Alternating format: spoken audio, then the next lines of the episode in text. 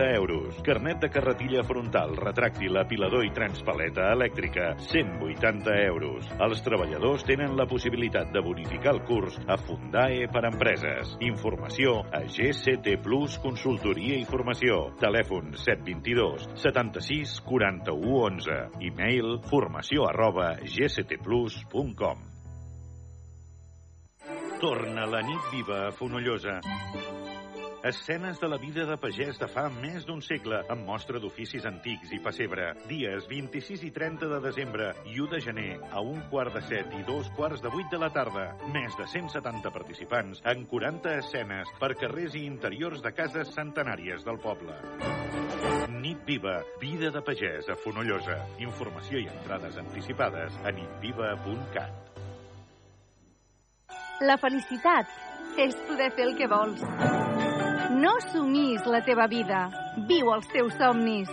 Els volem compartir. I és que per festes de Nadal, Any Nou i sempre volem compartir amb tu la nostra veu. Som Ràdio Manresa. Bones festes! Hora 14. Catalunya Central. Eli Pagant.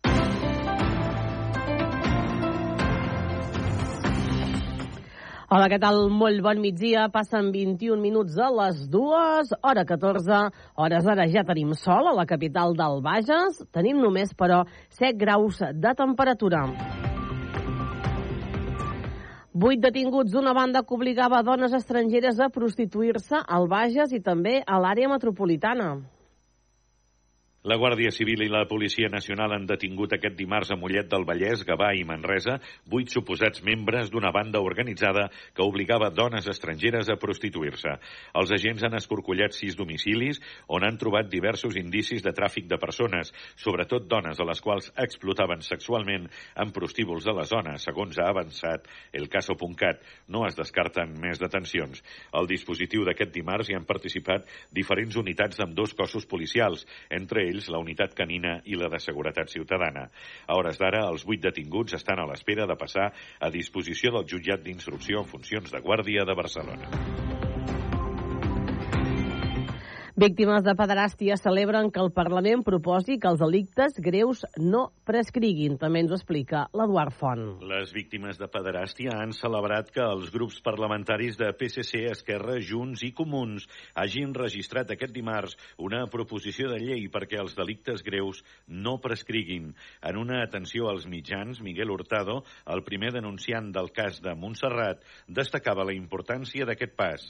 Avui és un dia molt bonic molt eh, emotiu i molt simbòlic per, per totes les víctimes i supervivents eh, de delictes de pederàstia a Catalunya i jo crec que a Espanya, perquè per fi hi ha una institució, eh, els grups, la Comissió d'Investigació sobre Pederàstia a l'Església del Parlament de Catalunya, que ha escoltat a les víctimes i ens ha oferit una solució als greus problemes que patim es presenta una proposta de llei d'iniciativa autonòmica consensuada amb els principals grups parlamentaris, Junts, Esquerra, PSC i els Comuns, eh, que estableix la imprescriptibilitat dels delictes més greus eh, de pederàstia.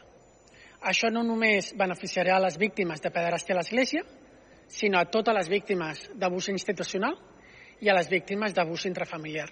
Després de reunir-se amb els grups polítics, Hurtado i altres activistes i víctimes de pederàstia reclamaven que l'Estat s'homologui a la majoria de països de la Unió Europea, on en 14 dels 27 estats membres tenen la imprescriptibilitat inclosa als codis penals, com a mínim pels delictes més greus de pederàstia.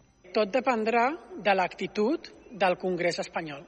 Si el Congrés espanyol eh, és tan seriós i tan rigorós com el Parlament de Catalunya, l'evidència és eh, aclaparadora. O sigui, tenim un informe jurídic tècnic que ha escrit la Fundació Derecho al Tiempo, que va ser els que van impulsar la pionera llei d'imprescriptibilitat xilena al 2019, i eh, és molt difícil estar actualitzat perquè contínuament hi ha països que aproven la imprescriptibilitat. A l'agost va ser Luxemburg, a l'octubre va ser Mèxic, però en aquests moments la majoria de països de la Unió Europea 14 de 27 tenen la imprescriptibilitat com a mínim pels delictes més greus. Si Espanya vol ser l'excepció a Europa, a Madrid ho hauran d'explicar. Però ja els hi diem que les víctimes catalanes, i jo crec que la majoria d'espanyoles, no entendríem aquella postura. El govern ha aprovat les millores en el sistema de descomptes a la C-16, a l'autopista Terrassa-Manresa. La Generalitat ha aprovat aquest dimarts ampliar en mitja hora el temps de descomptes al peatge de l'autopista Terrassa-Manresa. El govern aplica a la C-16 un sistema de descomptes per afavorir l'ús de l'autopista, optimitzar la infraestructura i descongestionar les carreteres C55 i C58, en benefici de l'eficiència i la seguretat viària del conjunt del corredor. Entre d'altres, en els dies no festius en hora punta, s'aplica a les barreres de Sant Vicenç de Castellet un descompte de fins al 80% a la barrera troncal i del 60% a la lateral, en els moviments des de o cap al sud. En aquests casos s'ampliarà la franja horària d'aplicació dels descomptes, tot avançant l'hora punta del matí. Així, aquests descomptes s'aplicaran de dilluns a divendres no festius entre dos quarts de set del matí i dos quarts d'onze del matí i entre les 5 de la tarda i les 9 del vespre a turismes, furgons i furgonetes que efectuïn el pagament mitjançant sistema dinàmic, via T o aplicació Satellites. Paral·lelament es mantenen la resta de bonificacions a la C-16.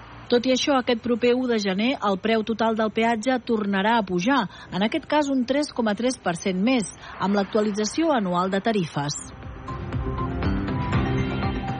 L'alcalde de Manresa, Marc Aloi, ha defensat la pista de gel que hi ha instal·lada a Sant Domènec, a Manresa. L'alcalde de Manresa, Marc Aloi, ha defensat la decisió d'instal·lar una pista de gel a la plaça Sant Domènec malgrat les crítiques del conseller d'Acció Climàtica, David Mascort.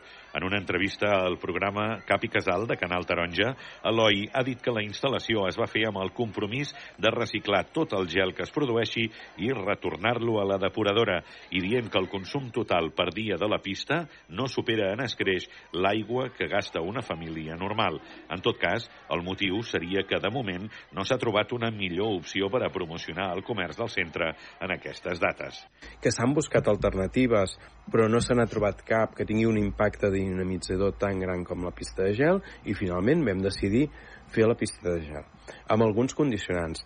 Uh, el primer i el més important és que tota l'aigua que s'utilitza després es porti a la depuradora, els blocs de gel es portin a la depuradora i per tant siguin reutilitzada, sigui reutilitzada aquesta aigua.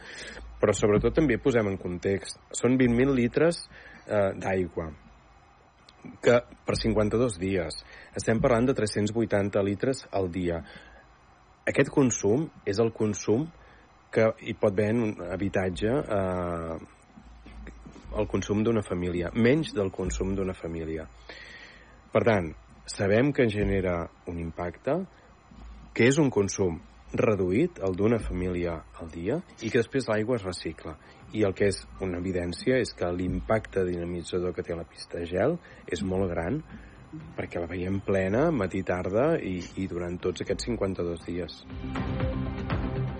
Ens anem ara a la informació esportiva que ens porta el Carles Joda. El Club Bàsquet Femení continua líder de la Supercopa després de guanyar l'Igualada per 49 a 37. Una nova victòria al Congost i un equip que ha aconseguit fer les coses molt bé en aquesta primera part de la temporada abans de l'aturada nadalenca. No només això, s'han presentat tots els equips del Manresa Club Bàsquet Femení i estem amb la seva presidenta, la Nina Pont, que una temporada més doncs, lluitant i treballant perquè el bàsquet femení eh, continuï amb la seva línia de moment d'augment i cada vegada més, diguéssim, no?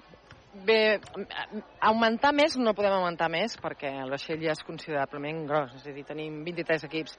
El que hem d'augmentar és en qualitat, amb perseverància, amb treballar molt i sobretot tenir molts objectius molt clars. Per tant, bé, és, Tenim eh, equips de promoció, equips de rendiment, els sèniors, un està a primera catalana, l'altre a Supercopa, l'objectiu és anar a fases de Liga Nacional 2, tot posat sobre el paper és molt maco, però has d'estar dalt de tota la taula. De moment hi estem, per tant anem bé, anem bé. Si ens anem al primer equip, uh, l'objectiu està claríssim, no? Sí. Pujar de categoria. Sí, sí, l'objectiu és anar a, Liga, a les fases de Liga Nacional 2 uh, i un cop estàs a fases, és, és echarlo todo, no?, que diuen els castellans. Per tant, som un equip molt regular. Eh, és, una, és, és curiós perquè Copa Catalana Era una categoria dura, però més o menys ja veies que els tantejos eren més elevats. Supercopa és una categoria de molta defensa i d'uns tantejos molt baixos. I hi ha equips que, que nosaltres mateixes no arribem a vegades a 50 punts, un partit de bàsquet, no? Llavors són, són partits molt defensius, molt físics, de molta rotació, però a nosaltres ens serveix també per, tenir un, per saber on anem i com està equilibrat l'equip. Són dos quarts de tres. La Unión Europea habla de acuerdo histórico, pero ese acuerdo pone precio por primera vez a la vida de un inmigrante que se juega el cuello en una que se juega el barcaza, cuello en una barcaza atestada de personas cruzando el Mediterráneo. 20.000 euros. Los 27 van a permitir que un Estado pague ese precio, 20.000 euros, para rechazar la acogida de una persona que ha llegado a suelo europeo jugándose la vida. La solidaridad a la carta es el gran pacto que hoy celebra Bruselas. Corresponsal de la serie en Bruselas, Beatriz Ríos, buenas tardes. Hola, buenas tardes. Ese pacto que hoy ha anunciado Bruselas, que han acordado el Consejo de la Unión Europea y el Parlamento Comunitario y que ha tardado tres años en cocinarse, básicamente es un juego de equilibrios para no molestar en exceso a la extrema derecha y para soliviantar lo justo